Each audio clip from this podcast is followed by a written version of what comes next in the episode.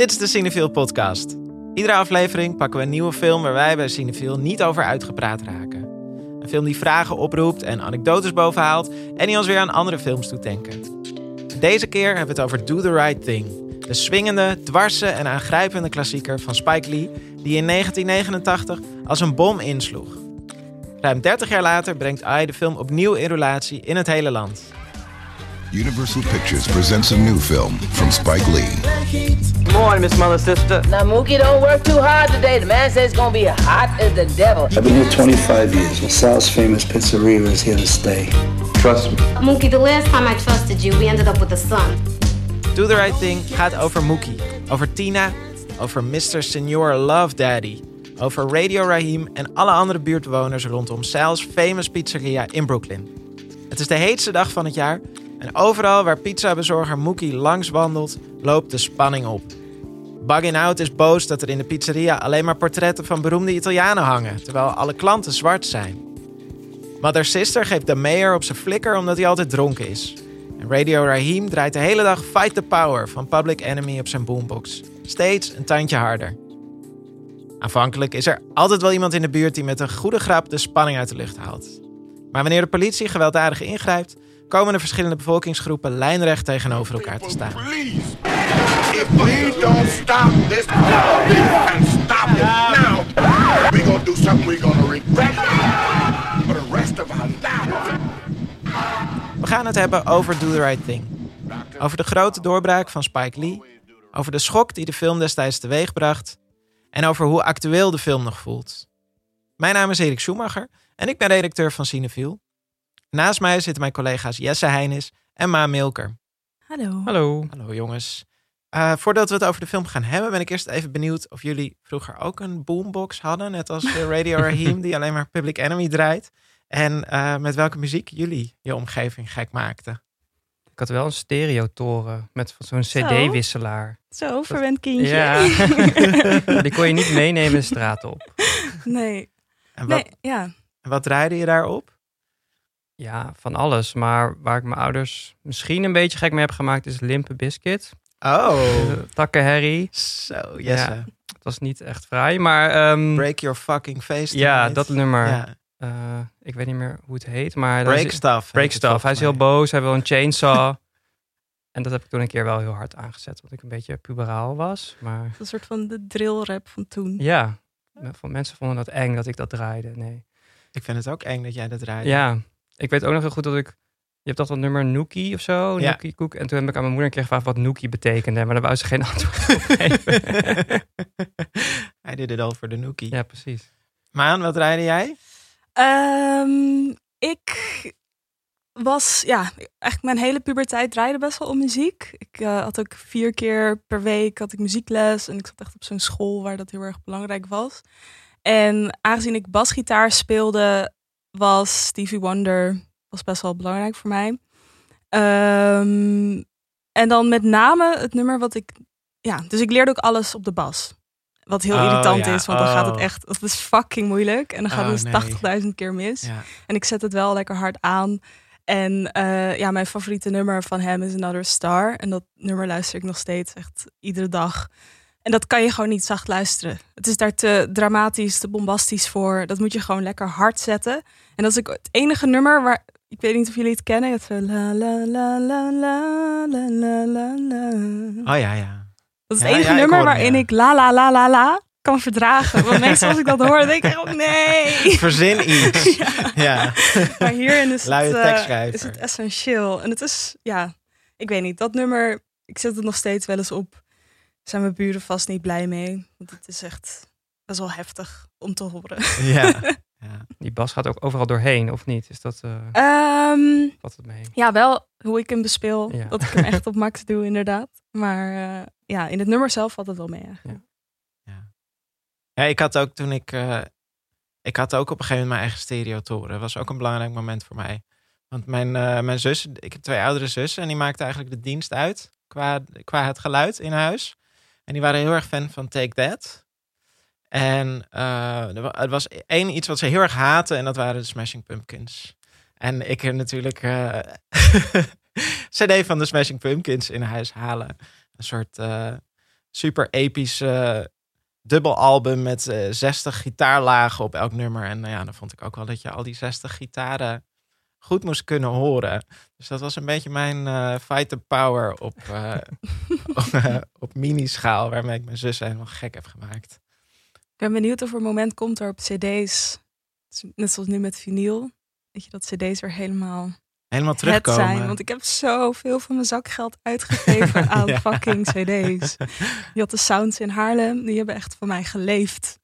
Meedogenloos. Heb je ze nog? Ik heb ze nog allemaal. Ik heb Ja. ze ook nog. Jij niet? Volgens mij heb ik, la- alfabet heb ik wel wat weggegooid, ja. Maar het komt nooit meer terug. Het klinkt niet, nee, het klinkt niet, het klinkt niet anders. Vinyl Ja. klinkt anders en tape klinkt anders. Maar CD klinkt hetzelfde als Spotify. Dus ja, vanuit dat weg. opzicht zou ik denken van... Nou, waarom zou dat een comeback maken? Sorry, Maan. Oké, we gaan het over Do The Right Thing hebben. Eerst nog even dit. We doen weer een eh, prijsvraag. We gaan, weer, we gaan het over allemaal films hebben. En een van die films bestaat helemaal niet. En als jij weet te raden welke film dat is... eh, dan kun je ons mailen op podcast.cinefiel.nl. Of je kunt tweeten naar eh eh, met de oplossing. En dan krijg jij of een vriend...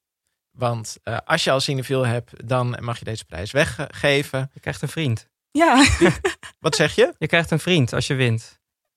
Zei ik dat? Ja, je krijgt of een vriend. Je krijgt heel veel vrienden, want je, je wordt lid van Cinefiel, deze mooie community.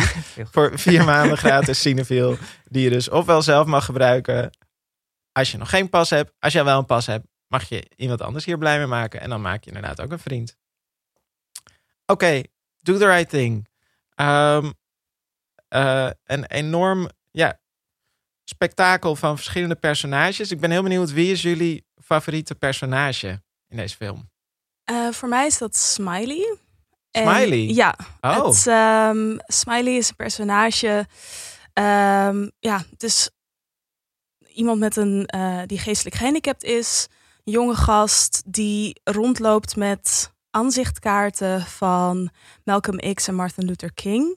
En ehm, ja, hij, hij, omdat iedereen een soort van doorheeft dat hij een beetje anders is, zoals ze hem de hele tijd noemen. Van he's different, don't you know, he's different, weet je wel. En ehm, daardoor vertegenwoordigt hij ergens, vind ik ook heel erg uitgekristalliseerd de grote vraag van de film: Do the right thing. Want juist bij hem, bij iemand die ergens niet helemaal toerekeningsvatbaar is, eh, hij, toch doet hij dingen. En toch, weet je wel, hij speelt een best wel belangrijke rol ook echt in het plot. En ik weet niet in hoeverre dat moet Ja. weggeven of niet. Maar ehm, ja, eigenlijk zijn, zijn handelingen zijn best wel, hebben heel veel impact. In ieder geval binnen de film. En juist omdat hij dan niet echt aan, weet je, het valt niet echt op hem aan te rekenen, omdat hij dus ja, gewoon een, een geestelijke beperking heeft. Daardoor wordt die vraag extra relevant, vind ik. Van wanneer kan je iemand erop aanrekenen van wat hij doet of niet? In hoeverre is het een Ja. resultaat van omstandigheden? In hoeverre is het echt iemand die eh, ja, zeg maar authority heeft over zijn eigen daden in die zin? Ja. Dus daarom vind ik hem. En ook omdat ik gewoon heel erg hard moest huilen. Door een, ja, gewoon, oh, fuck. Ja, ik kan het niet weggeven, maar ik moest heel erg hard huilen ja. om scène met hem. Hij is ook iemand die eh, bij iedereen weer een andere reactie uitlokt. Dat maakt, Ja. vind ik ook wel interessant. Dat hij, ga je tegen hem zeggen van ga weg, ga, ga, ga ergens anders vervelend doen. Of, ge, of geef je hem iets of koop je een foto van hem. Dat is Ja. ook, zegt ook over heel veel over de personen zelf die op hem reageren. Hoe ze met hem omgaan. Dat is ook Ja, precies. Is hij niet een beetje... Ik, ik, ik, vond het, ik kreeg soms wel een, be- eh, een beetje de gedachte van... Is hij niet een beetje karikaturaal neergezet? Maar wie niet? Ja, wie niet? Dat- natuurlijk. Maar omdat het het om een geestelijk gehandicapte gaat, vind ik dat dan... dan wat... Ja, maar ik vind juist dat hij wel als een best wel uitgedacht personage wordt neergezet. Iemand die echt verschillende rollen daarin ook speelt. Het is niet alleen maar een soort straatgekkie die dingen komt verkopen of zo. Of het is niet iemand waar iedereen dus, zoals Jesse net al zei, hetzelfde op reageert. Het is juist, vind ik, een best wel ehm, soort van gevarieerd karakter in die Ja. zin. En ja, het is heel erg stereotyperend. Maar dat is precies het hele ding van de hele film. Ja, ja. Eh, dat, ja, dat zegt Spike Lee ook. Van, ja, sorry, maar je kan me niet echt daarop afrekenen, want ik zet het wel consequent door. ja, dat is waar. Ehm, en in die zin, ja, de acteur vertelde, je had zo'n documentaire over 20 jaar of 30 jaar na Do the Right Thing. Ik weet even niet meer. Nou, ja, kan allebei. Het de is inmiddels Ja. dan 30 jaar geleden. We zullen het in de show notes zetten, maar daarin interviewt Spike Lee iedereen die er aan mee heeft gewerkt. En eh, ja, hij had, Spike Lee heeft het script geschreven en heeft toen ook ehm, dit personage er enigszins ingezet, maar het is echt helemaal ingevuld door de acteur zelf, die ook is opgegroeid in Bedford Stuyvesant. Ik weet ook niet hoe je dat uit moet spreken. Ja, het is gewoon stuivenzand. Stuivenzand. Maar Maar dan, ja, Nederlands. Amerikanen spreken Ja. het verkeerd uit. Dus wij mogen... Ehm, en die had dus iemand in zijn straat die zo was als het personage, als, als Smiley. Ja, Dus hij Ah, heeft ja. het echt heel erg eh, gebaseerd op zijn eigen ervaring eigenlijk. Jesse, wie is jouw favoriete personage? Eh, ik heb er drie. Eh, Ah. ML, Coconut Sid en Sweet Dick Willy. Ik moest het even opzoeken, want volgens mij worden ze niet bij naam genoemd in de film. Maar dat zijn de drie wat oudere Jawel, mannetjes. Ze hebben het nog helemaal over, over Sweet Dick Willy, zijn naam. Ja? Oh, Toch? Heb ik niet goed opgelet.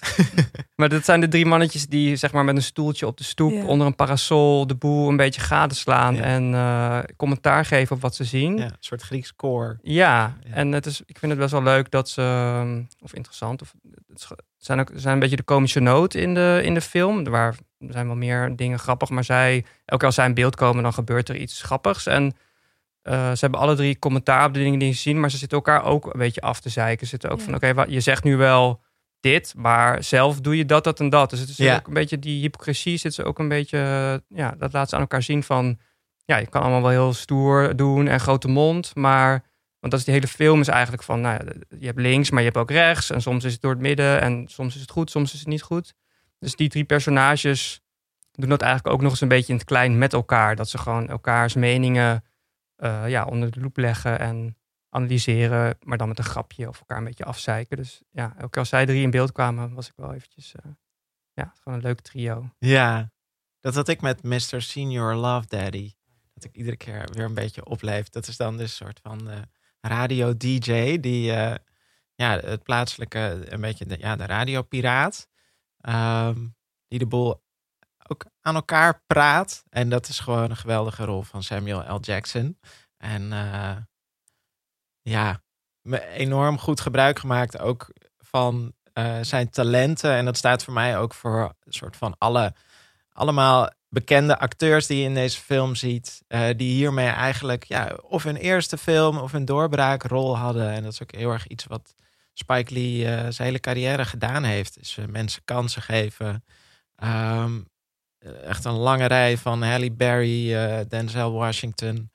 Eh, nou, in deze film is het Rosie Perez.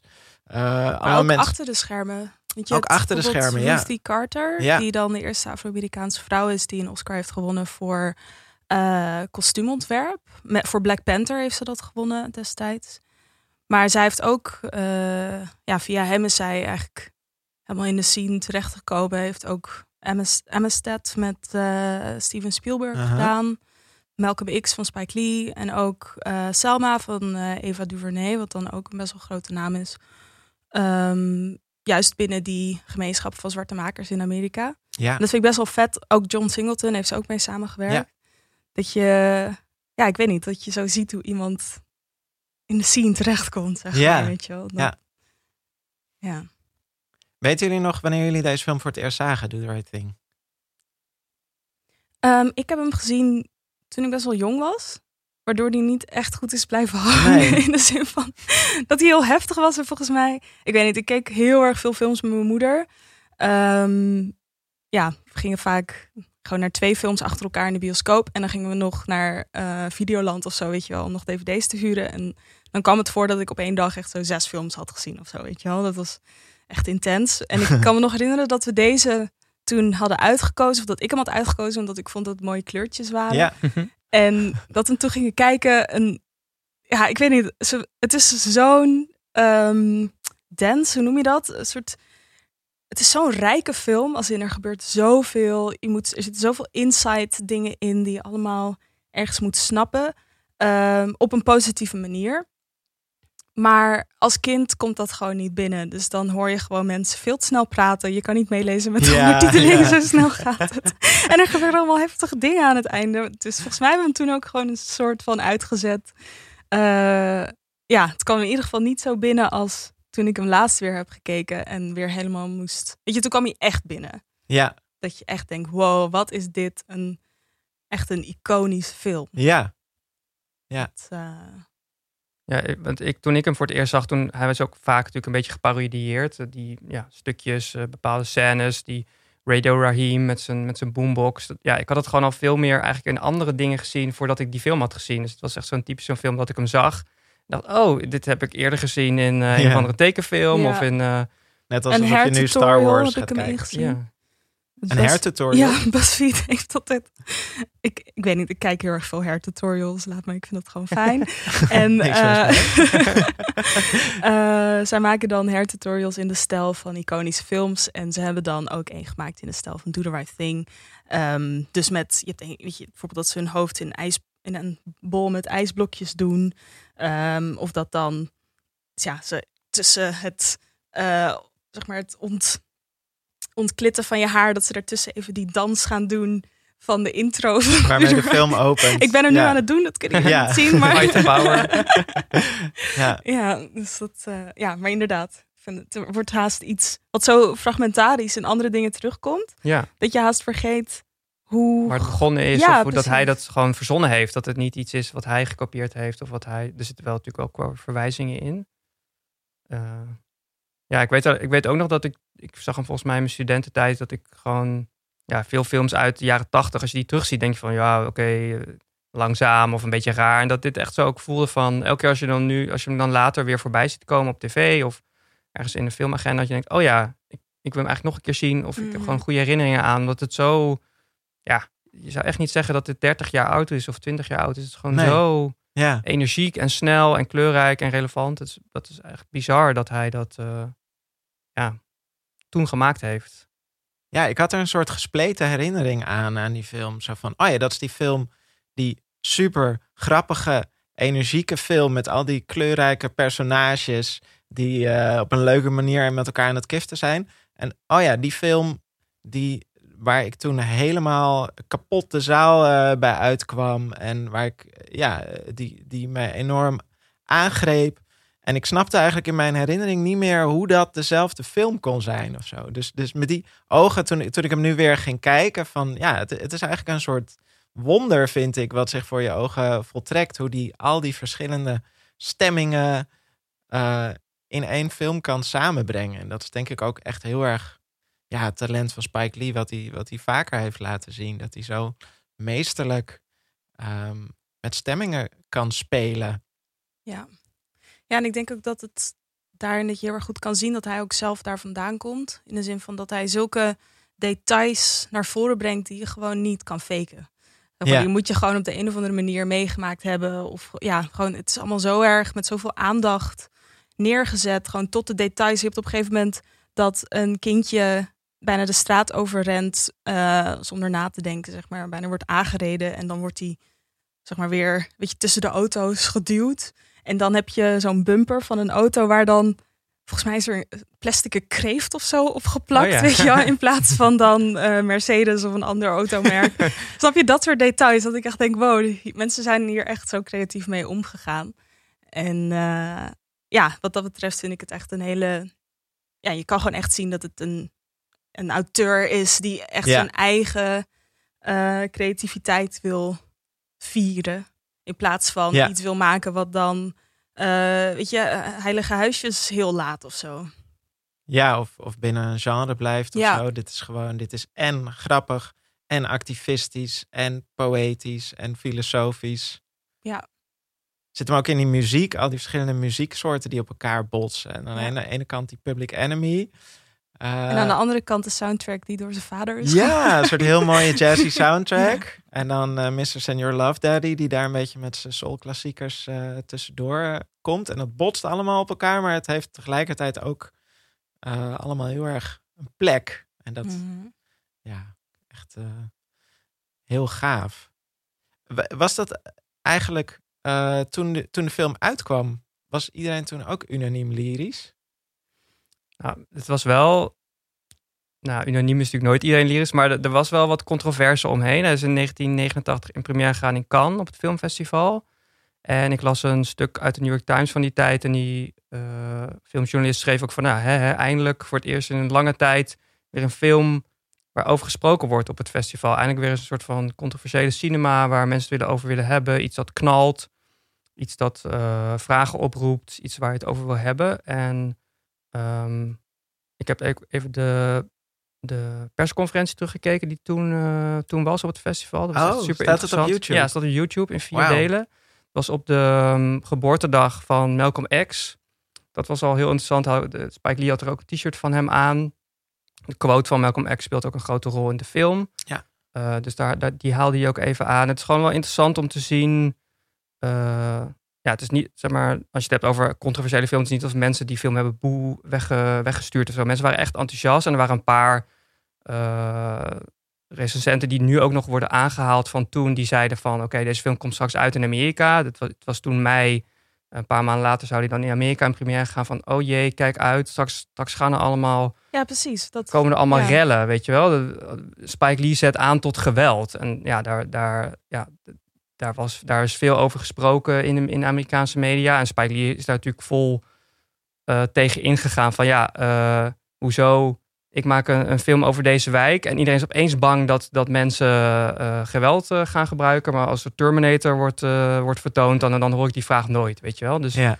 Ja. En hij vertelde ook dat die, eh, dus weet je, de vraag van do the right thing. Aan het einde van de film heb je twee quotes, een van Malcolm X en eentje van Martin Luther King. En de Mal- Malcolm X die sluit geweld als activistisch middel eigenlijk niet uit, maar hij zegt ik gebruik het, ik wil het wel gebruiken, maar dan alleen als zelfverdediging. Maar eigenlijk is het dan geen geweld, want dan is het zelfverdediging. En aan de andere kant heb je Martin Luther King die daar een veel pacifistischer eh, idee tegenover zet. Dus ja, eigenlijk dat hele idee van hoe ontvlucht je racisme, hoe ontvlucht je eh, ongelijkheid in de samenleving, of dat je wordt verdrongen uit je thuis, weet je, allemaal dat soort eh, hele relevante vragen binnen die context. Daarvan laat hij in het midden van wat daar het goede in is of zo. En hij zei van het is zo opvallend dat eh, van iedereen die mij heeft geïnterviewd, hebben alleen maar witte journalisten, witte journalisten uit het soort van het hele gevestigde milieu, hebben mij gevraagd van ja, en wat is dan the right thing? En hij zei, ja, maar daar gaat het niet om, weet je. Het is niet dat ik daar nu een antwoord op moet Nee. geven. Het gaat er juist om dat je die vraag, dat die vraag, dat je daar constant mee in aanraking komt, juist omdat het zulke moeilijke materie is. Omdat mensen aan de ene kant je buurman zijn, eh, of je werkgever, of weet je, gewoon je levensbehoud, of je thuis. Maar aan de andere kant dat daar ook gewoon conflicten in bestaan die veel groter zijn dan dat. En ook veel, eh, veel heftiger dan dat, zeg maar. Weet je, Mhm. als in, ja, dat, dat, dat vind ik ook heel mooi in de film naar voren komen. Dat het, je ziet heel erg hoe snel iets kan escaleren met een groep mensen die elkaar eigenlijk heel erg goed kennen. Ja. Het is eigenlijk, ja, dat, eh, ja, dus in die zin die controverse liet voor Spike Lee juist heel erg het racisme zien waar hij tegen in wil Ja, gaan. tuurlijk, ja. Dus ook van hoezo zou dan een zwart publiek zijn, eh, weet je, dan opeens op geweld overgaan? Wat zegt dat dan over jou als criticus dat Ja. je dat gelijk denkt? Ja, er, waren ook, eh, er was ook iemand toen in Cannes op die persconferentie die meteen vroeg van... hey, eh, allemaal leuk en aardig, maar waarom zit er geen drugsproblematiek in je Ja. film? Was hij ook super... Hij zei van, nou, ik ben blij dat je het vraagt, want hij had er ook is op voorbereid van die vraag komt natuurlijk, of komt die, die komt. En eh, hij zei ook van, ja, waarom... Deze film gaat over deze wijk, gaat over deze mensen. Waarom moet er per se drugs in zijn?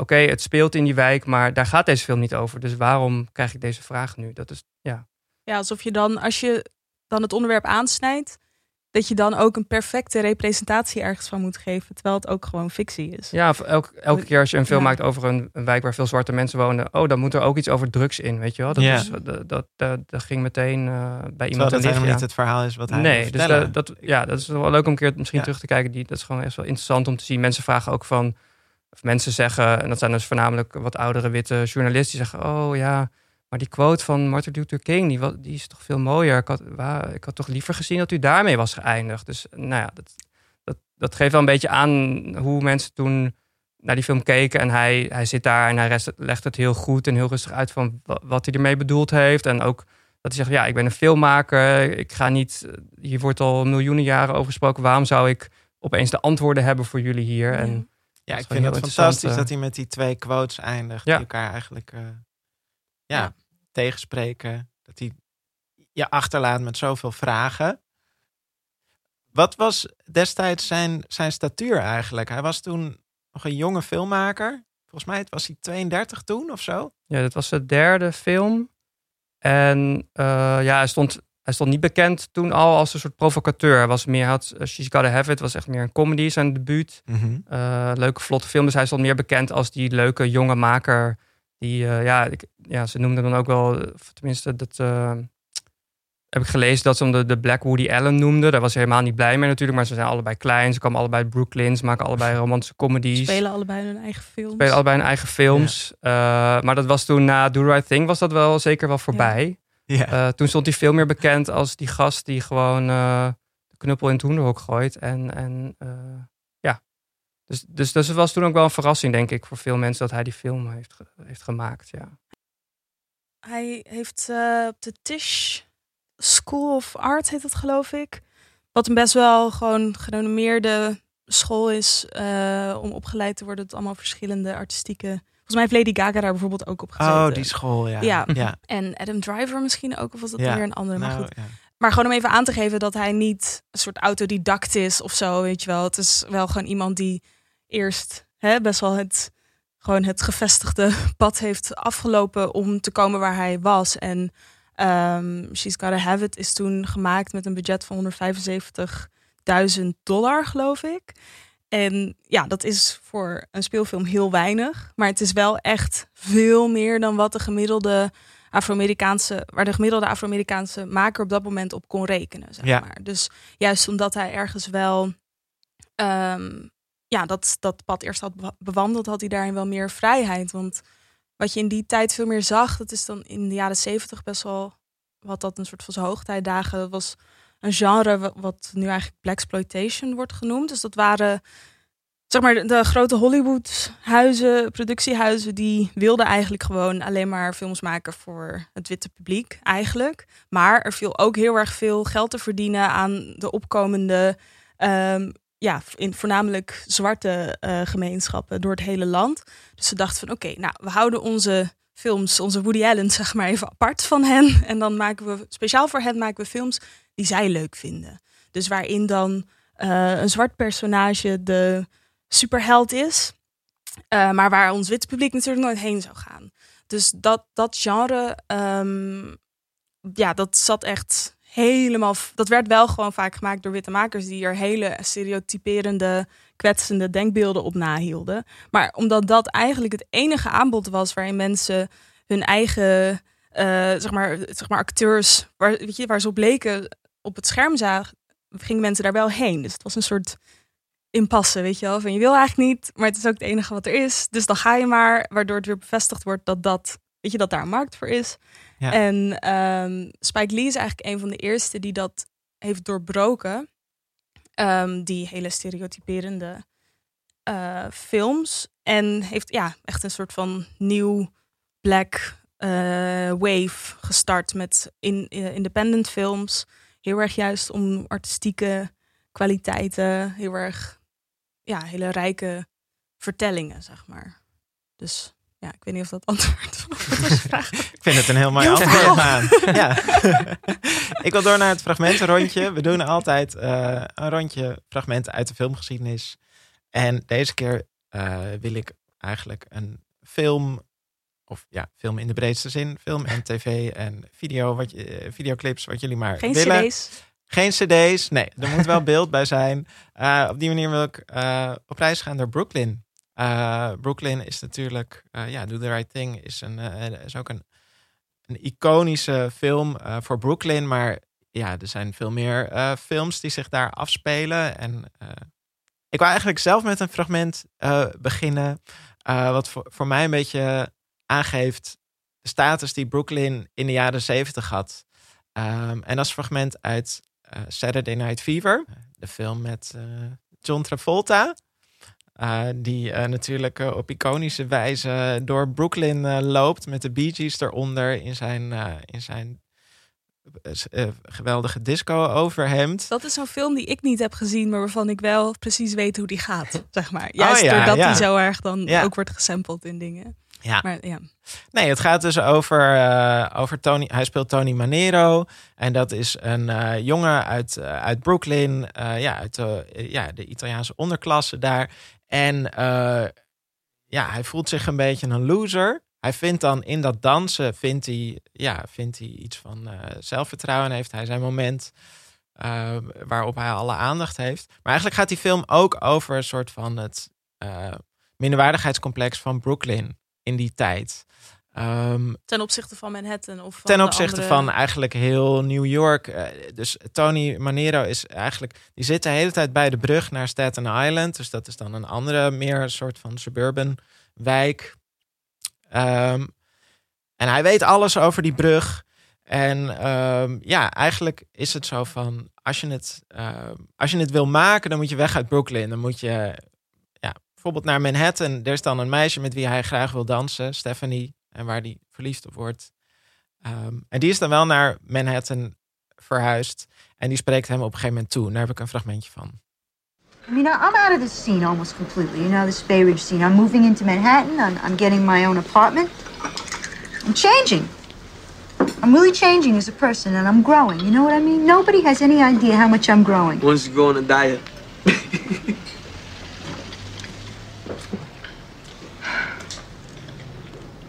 Okay, listen. I like it. We could dance together. That's it. We could just dance together, and uh, nothing more, nothing personal. I don't want you coming on to me. Not. Because I don't think guys like you anymore, for one thing. You're too young, you haven't got any class, and yeah, I'm sick of jerk off guys ain't got their shit together. Ehm, ja, nee, dat vond ik. Ik vond het heel interessant eh, om dat terug te luisteren. Omdat eh, voor mij Do the Right Thing ook heel erg een film is over trots. Eigenlijk. En dat vind ik ook heel gaaf. Dat ze, ja, dat ze eigenlijk vanuit die underdog-positie. Ja, is iedereen best wel eh, trots ook op die buurt. Ehm, maar ja, dan ook weer specifiek op de eigen gemeenschap, weet je wel. En dat gaat dan weer botsen en, en wringen. En dan, dan is, is er die Wall of Fame in die pizzeria met alleen maar beroemde Italianen. Ehm, maar ik vond het wel, eh, ja, dat je echt ziet van bij Do the Right Thing, is, ja, dan zie je dat die, dat het een heel ander geluid is. Een veel zelfbewuster geluid is wat uit die buurt komt. Ja. Eh, Jesse, wat, wat voor fragment heb jij meegenomen? Ehm, ik, ik wist het eerst niet zo goed, dus ik was tegen jou een beetje aan het klagen net op kantoor. En Ja. toen kreeg ik een tip van eh Rosanne, mijn collega. En die zei, in Sex and the Shout-out. City, daar zit een goed fragment in over Brooklyn. Ehm eh, Sex and the City, de serie die eh, in, hoe zeg je dat, de jaren... negen- eind jaren de 90 tot begin jaren nul is uitgezonden. Eh, vier vriendinnen in Manhattan. Cocktails, schoenen, liefdesrelaties, eh, vriendinnen. En eh, aan het einde van die serie... Heb jij dat ook gekeken vroeger? Ik heb wel eens een aflevering gezien. Ja, ik heb het wel eens echt... een aflevering gezien. Nou ja, gewoon, ik, ik, ik zou echt niet het hele verhaal kunnen navertellen. ik heb ook niet seizoenen van begin tot eind, denk ik, meegepikt. Maar keer op net Nee, vijf was Limp wat, aan het luisteren op precies. kamer. Ja. Veel te boos voor. Ehm, eh, aan het einde van het laatste seizoen eh, is Miranda, die heeft een gezinnetje, een, een hond, een kat, een kind, een vent. nou echt gewoon direct het laatste seizoen weggeven? Ja, hallo. gewoon al die acht seizoenen. Wat is... Twee Nee, films. Nee, ik heb het nooit gekeken, dus ik weet niet in hoeverre einde dit een want spoiler er is ook nog twee films. Oh, Ja. oké, oké, oké. Ehm, wat Miranda. Oh ja, Miranda. Miranda. Miranda. is helemaal gezetteld. Enige nadeel, ze woont in Manhattan in een piepklein, veel te duur appartementje. Eh, dus zij en haar vriend zijn op zoek naar iets nieuws. Maar het is allemaal te klein, het is allemaal te duur. Eh, dus waar kan je dan nog heen? Naar Brooklyn. Maar Miranda heeft er niet zo'n zin in.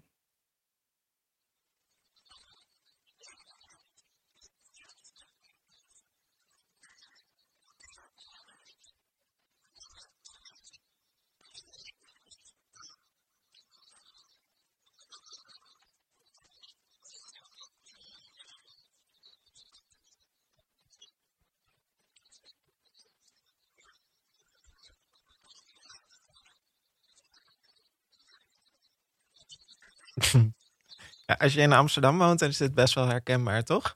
Ja, ik denk in heel veel steden als je, ja. waar je nu woont, je denkt van ja, wat, ga ik naar eh, Almere, ga ik naar Zaandam. Zaandam. Ja. Want daar is het nog, krijg ik veel meer ruimte voor mijn geld. Of is er überhaupt nog iets te vinden? En het is gewoon veelzeggend dat toen in die periode dat, dat iemand als Miranda uit Sex and the City überhaupt overweegt om naar Brooklyn te gaan. Dat was Maar tegelijkertijd ook wel echt erop neerkijkt. Ja, ze Van- gaan, ook, ze gaan ook later heen en dan moet hij het echt aan haar verkopen. Van ja, kijk, dit is.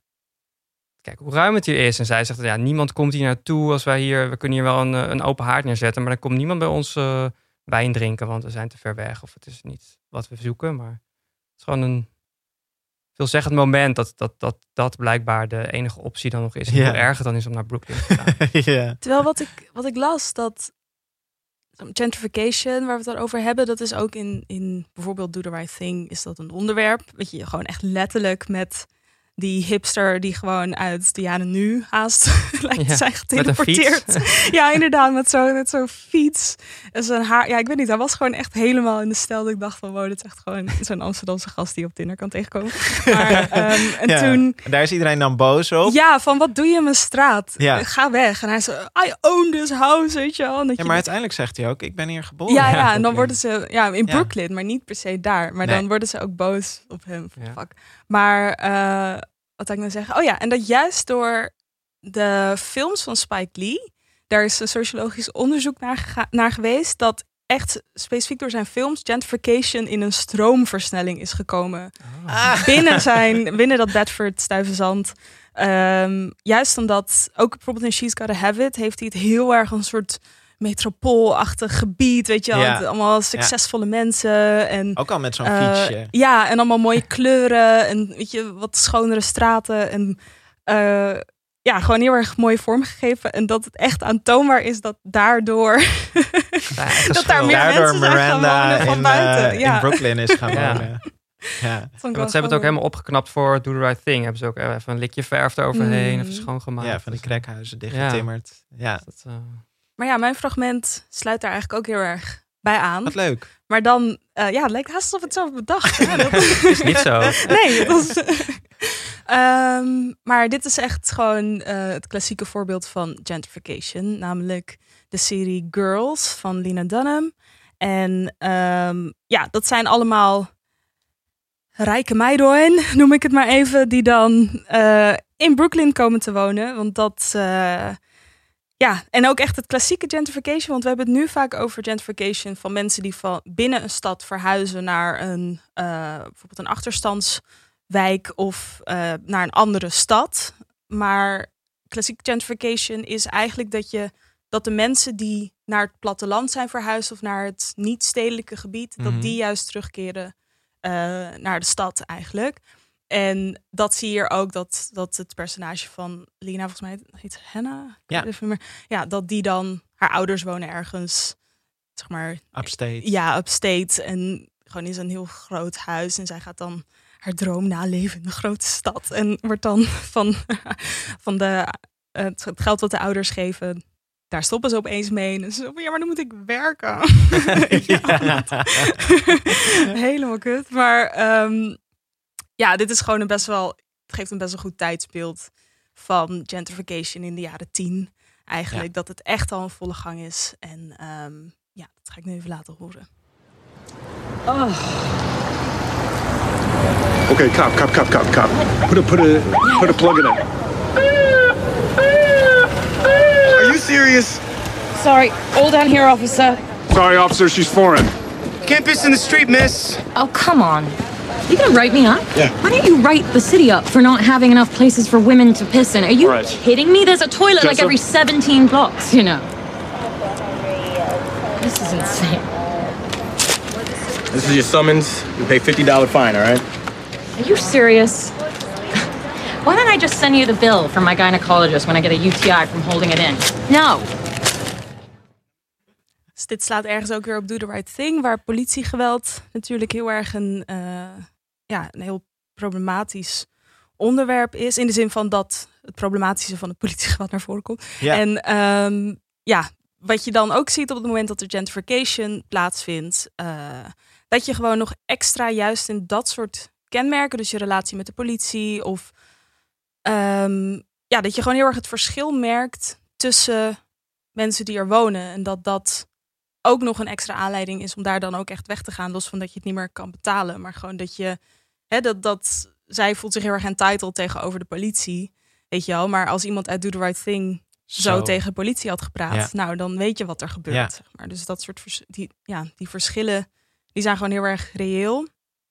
En eh, ja, ik weet niet, ik vond het daarom wel een kenmerkend eh, fragment waarin je dus weer heel erg die verschillende belangen. Want aan de ene kant is dit ook weer iets waar, wat je kan opvatten als een soort eh, vernieuwend of feministisch, weet je wel, omdat het dan ehm, ja, het, het gebrek aan vrouwelijke of wc's voor vrouwen op straat aanspreekt, weet je wel. Van Mhm. hoezo moet ik daar dan weer voor worden opgepakt? Ja. En aan de andere kant laat het ook weer heel erg haar privilege zien dat ze überhaupt zo tegen de politie praat. Dus Ja. dat, dat vind ik er wel sterk aan, dat je ja, die verschillen. Brooklyn is dus een beetje veranderd van de, van de buurt van de underdogs naar eigenlijk een beetje de, de arrivés of de ja, rijke luiskinderen, de hipsters. Ehm, Toen je zei Ari dacht ik, de Ari V. Alsof het een crimineel is die Ari heet. ik dacht echt, wie is Ari V? Is dat die een bekende ja, crimineel die ik moet eh, kennen? Of ja. Nee, arrivé. Eh, over arrivés gesproken, is, is Spike Lee dat nu zelf ook een beetje? Is hij een beetje gevestigde orde geworden? Ik denk dat hij wel eh, goed geld heeft verdiend aan zijn eh, reusachtige oeuvre. Ik kan het niet anders zeggen. Hij woont niet meer in Brooklyn. Nee, dat denk ik ook niet Nee. mee. Waar Nee, woont weet hij je nu? dat zeker? Eh, ik kan het even opzoeken, maar ik heb gelezen dat hij... Nicky Jente? Dat er een soort van... Nicky Jente gaat het opzoeken. Het verschil is tussen hoe hij naar buiten natuurlijk nog steeds de, ja, de, de hippe, snelle, eh provocerende Spike Lee is. Terwijl hij ook gewoon een enorm townhouse heeft. In de Hamptons. Wat zeg je, Jente? De Upper East Side van Manhattan. Ja, dat is eh, prijzig. Ja. Bij Gossip Girl? Wat zeg je nou? oh. Ehm, is, is, hij, is hij ook eh, binnen, de, binnen de filmgemeenschap nu helemaal omarmd en geaccepteerd? Ik denk dat mensen ergens hem een beetje soms te grillig vinden. Mhm. Als in, als ik hem intypte op Google, dan kwam ik al snel bijvoorbeeld uit een incident op 2012. Waarop hij ehm, een adres heeft getwitterd van de moordenaar van Trayvon Martin. Dat was een Afro-Amerikaanse scholier die eigenlijk op klaarlichte dag is eh, vermoord door eh, George Zimmerman.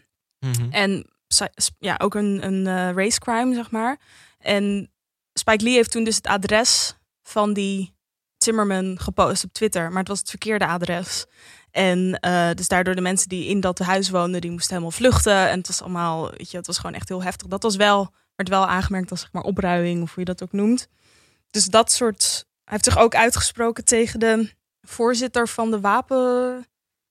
De NRA? Ja, weet je, zo'n grote wapenbaas. En hij zei van ja, hij moet zelf doodgeschoten worden. En dat Ja. wordt hem dan ook echt niet in dank afgenomen. Dus Nee. dat soort Hij incidenten. blijft wel provoceren. Ja, hij blijft Het provoceren. blijft en ongemakkelijk. het is ergens ook dat mensen misschien, omdat hij echt nog niet in die zin de gevestigde orde is. Hij representeert wel echt een stem die niet heel erg veel in Hollywood te horen is, zeg maar. Ook gewoon omdat als je dat doet, dan moet je wel echt al ergens zijn om dan niet gelijk helemaal geboycott te worden, zeg maar.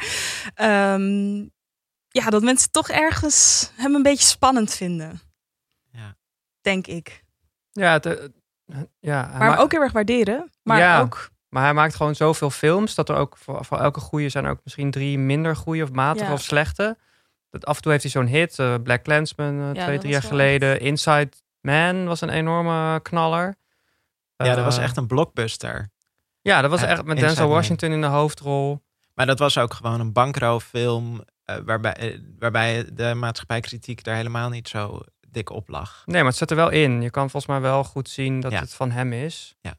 Daar zit volgens mij een scène in dat eh, de politie dan een zwarte man ziet. En dan denkt, oh, dat is een van de overvallers. Maar dat blijkt er gewoon een van de bankmedewerkers te zijn, weet je wel. Dus de- er zitten wel wat van die Spike Lee momenten in. En dat was een enorm succes. En toen kreeg hij daarna heel veel geld om weer een andere film te maken. En die, die flopte dan bijvoorbeeld weer. Dus het is bij hem ook een beetje hol of stilstaan, heb ik het idee. En af en toe krijgt hij dan weer de kans om iets groots te doen. En dat werkt dan heel goed. Eh, ook de remake van She's Gotta Have It. Oh ja, op Netflix is dat, toch? eh, ja. Want dat was... ehm, in die film... Werd, die werd aan de ene kant heel erg geprezen als... Dat het een... ehm, ja, het gaat over een vrouw die gewoon meerdere lovers heeft. En dat is gewoon helemaal oké. En die stem Maar was... dat vinden die lovers zelf niet. Nee, oké, maar als in, in de film is dat wel Ja. oké. Maar er is ook een scène dat zij dan ehm, weer met haar verkrachter eigenlijk eh, een, een scène heeft waarin zij, en daar is heel veel kritiek op gekomen. En heel erg lang heeft, weet je, echt gewoon echt kritiek dat van, oh, je- Spike Lee is echt fout, zeg maar, vanuit feministische hoek. En daar is hij toen op teruggekomen, pas jaren later. En zei hij eigenlijk van, ja, die scène is echt de grootste fout van mijn carrière. Van, Hm. ik zou dat nu nooit meer doen. En ik denk dat door dat te zeggen, dat hij weer heel veel kudos heeft gewonnen bij een groep die hem misschien ergens had afgeschreven als... eh, Snap je? Dus dat vond Heeft ik hij wel... dat in die serie ook weer recht gezet? Ja, dat, nou, als in dat hij het daar niet in naar, naar voren laat Nee. komen. En daar dus ook in interviews over heeft gezegd. Dat was echt een bewuste keuze. Want daar sta ik gewoon niet meer achter. En dan zei ik was dom en jong en naïef. En eh, ja, dus dat... Ja, dus hij is ook niet te trots om zijn fouten toe te geven. Nee. Maar ja, deze fout. Ik weet niet. Ja.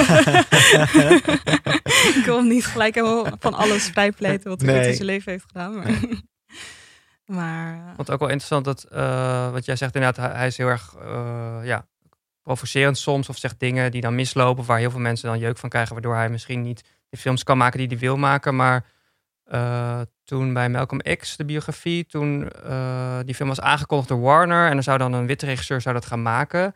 Maar toen heeft hij een soort campagne gevoerd voor zichzelf en daardoor heeft hij toen die baan gekregen en mocht hij die biografie maken. Dus eh, dat heeft hem destijds wel geholpen dat hij toen echt zo'n zo iemand Ja. is die campagne kan voeren, Ja. die, die, die weet hoe hij het moet vertellen.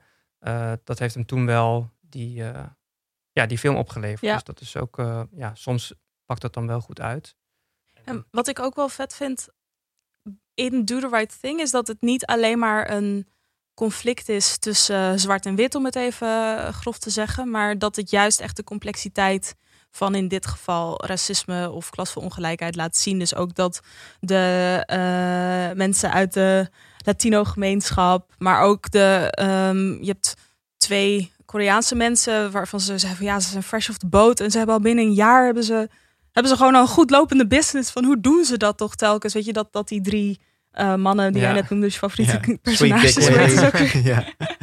dat die dat dan zeggen en van ja, eh, bij ons, eh, bij ons eh, zwarte mensen zie je dat nooit. Van zijn we dan zo lui of zo? Weet je, dus dat het ook gewoon heel erg op de, de stereotypen die er onderling ook zijn, dat die gewoon op zo'n mooie manier de hele tijd heen en weer geslingerd worden. En ik denk dat doordat hij dat heeft gedaan en het niet alleen maar in die zin een vingerwijzende film is, dat hij daarin wel heel veel kansen voor zichzelf heeft gecreëerd. Het is ook mo- moeilijk om, te, om hem te parodiëren, parodiëren, denk ik. Toch? Tenminste, Qua films of qua uiterlijk? qua stijl. Ja, qua, film, qua filmstijl.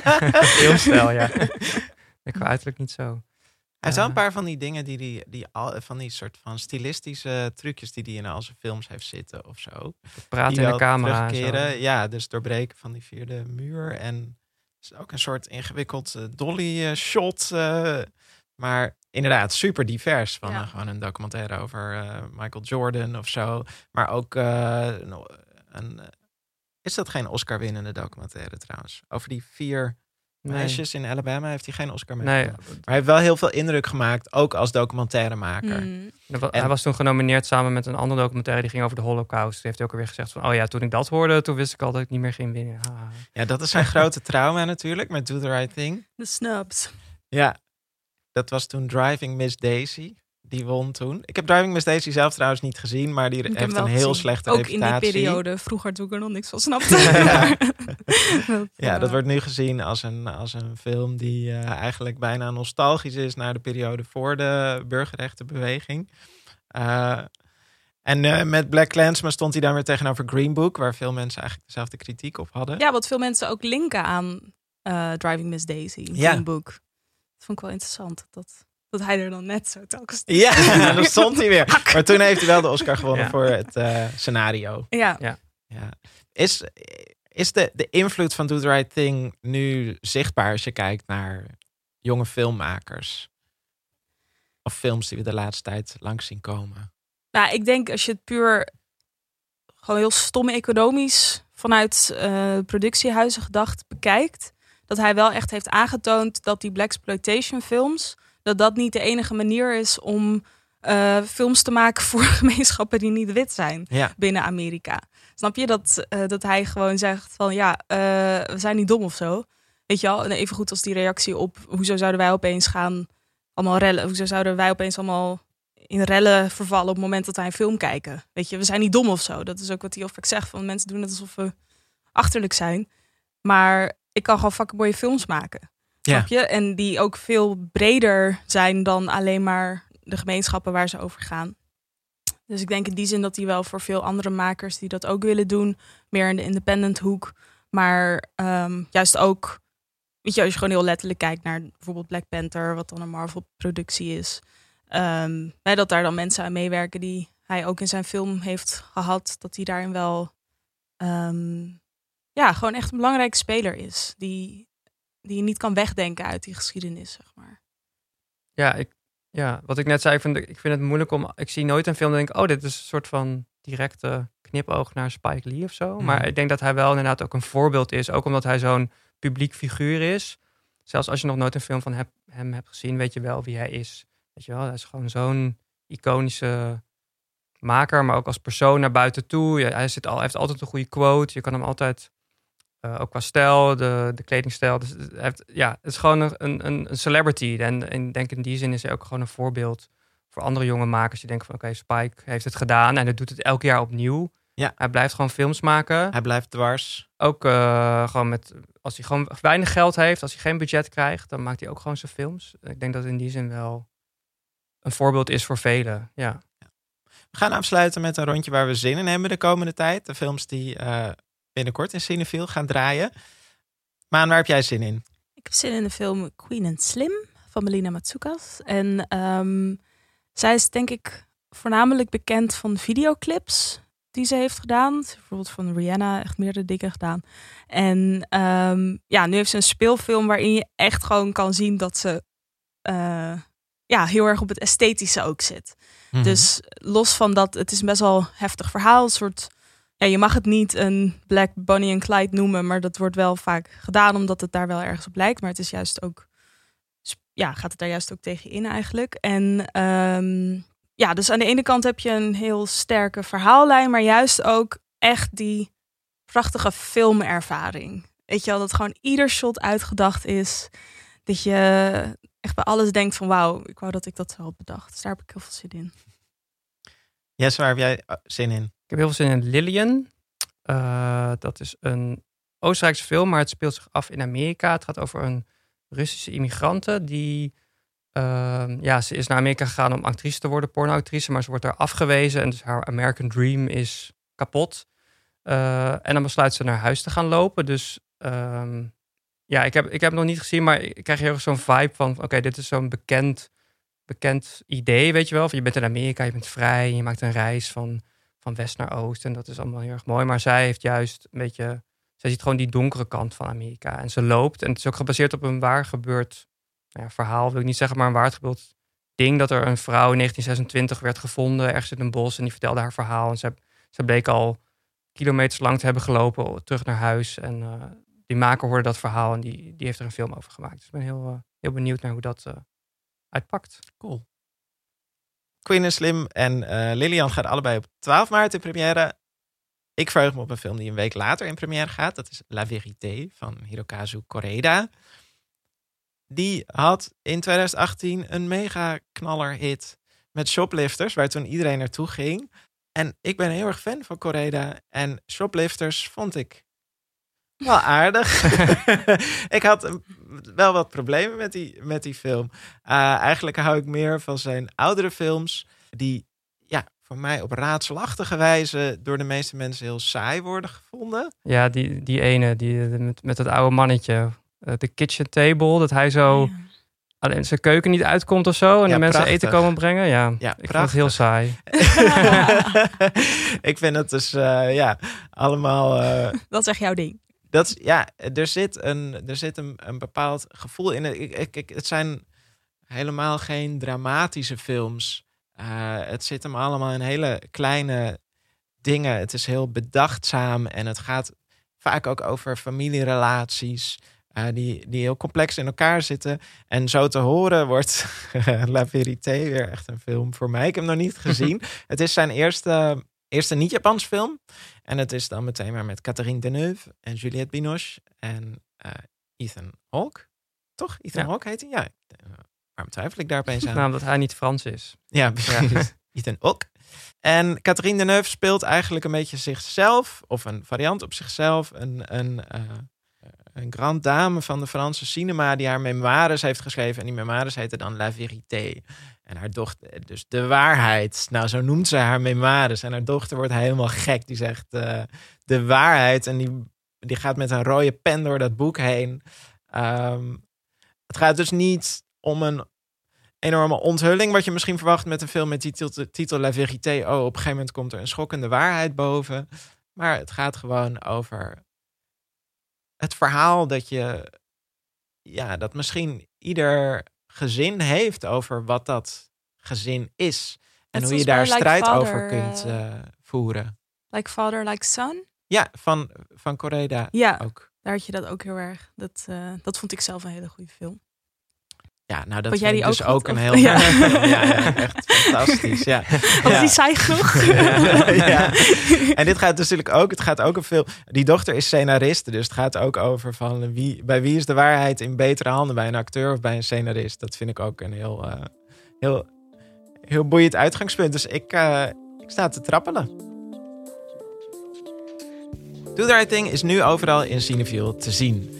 En het is het vooruitgeschoven paradepaardje van een heel programma dat in AI tot en met 15 april is te zien. Blacklight. Dat eh, zet de schijnwerpers op de verbeelding van zwarte identiteit in film. En eh, daarbij kun je allerlei films kijken, zoals bijvoorbeeld van One People tot Training Day. En wat ook heel leuk is, is dat Tuki Bookie te zien is van Gibril Diop Mambetti. Waar we het de vorige keer over hebben gehad. Dat is de, de oom van Matti Diop, die Atlantiek heeft geregisseerd. En ik ben zelf super benieuwd geworden naar die film. Dit waren wij voor deze keer. Wil je iets terugzeggen, dan kan je ons altijd mailen op uh, podcast.cineviel.nl of je kunt terug twitteren op @cinevielpod.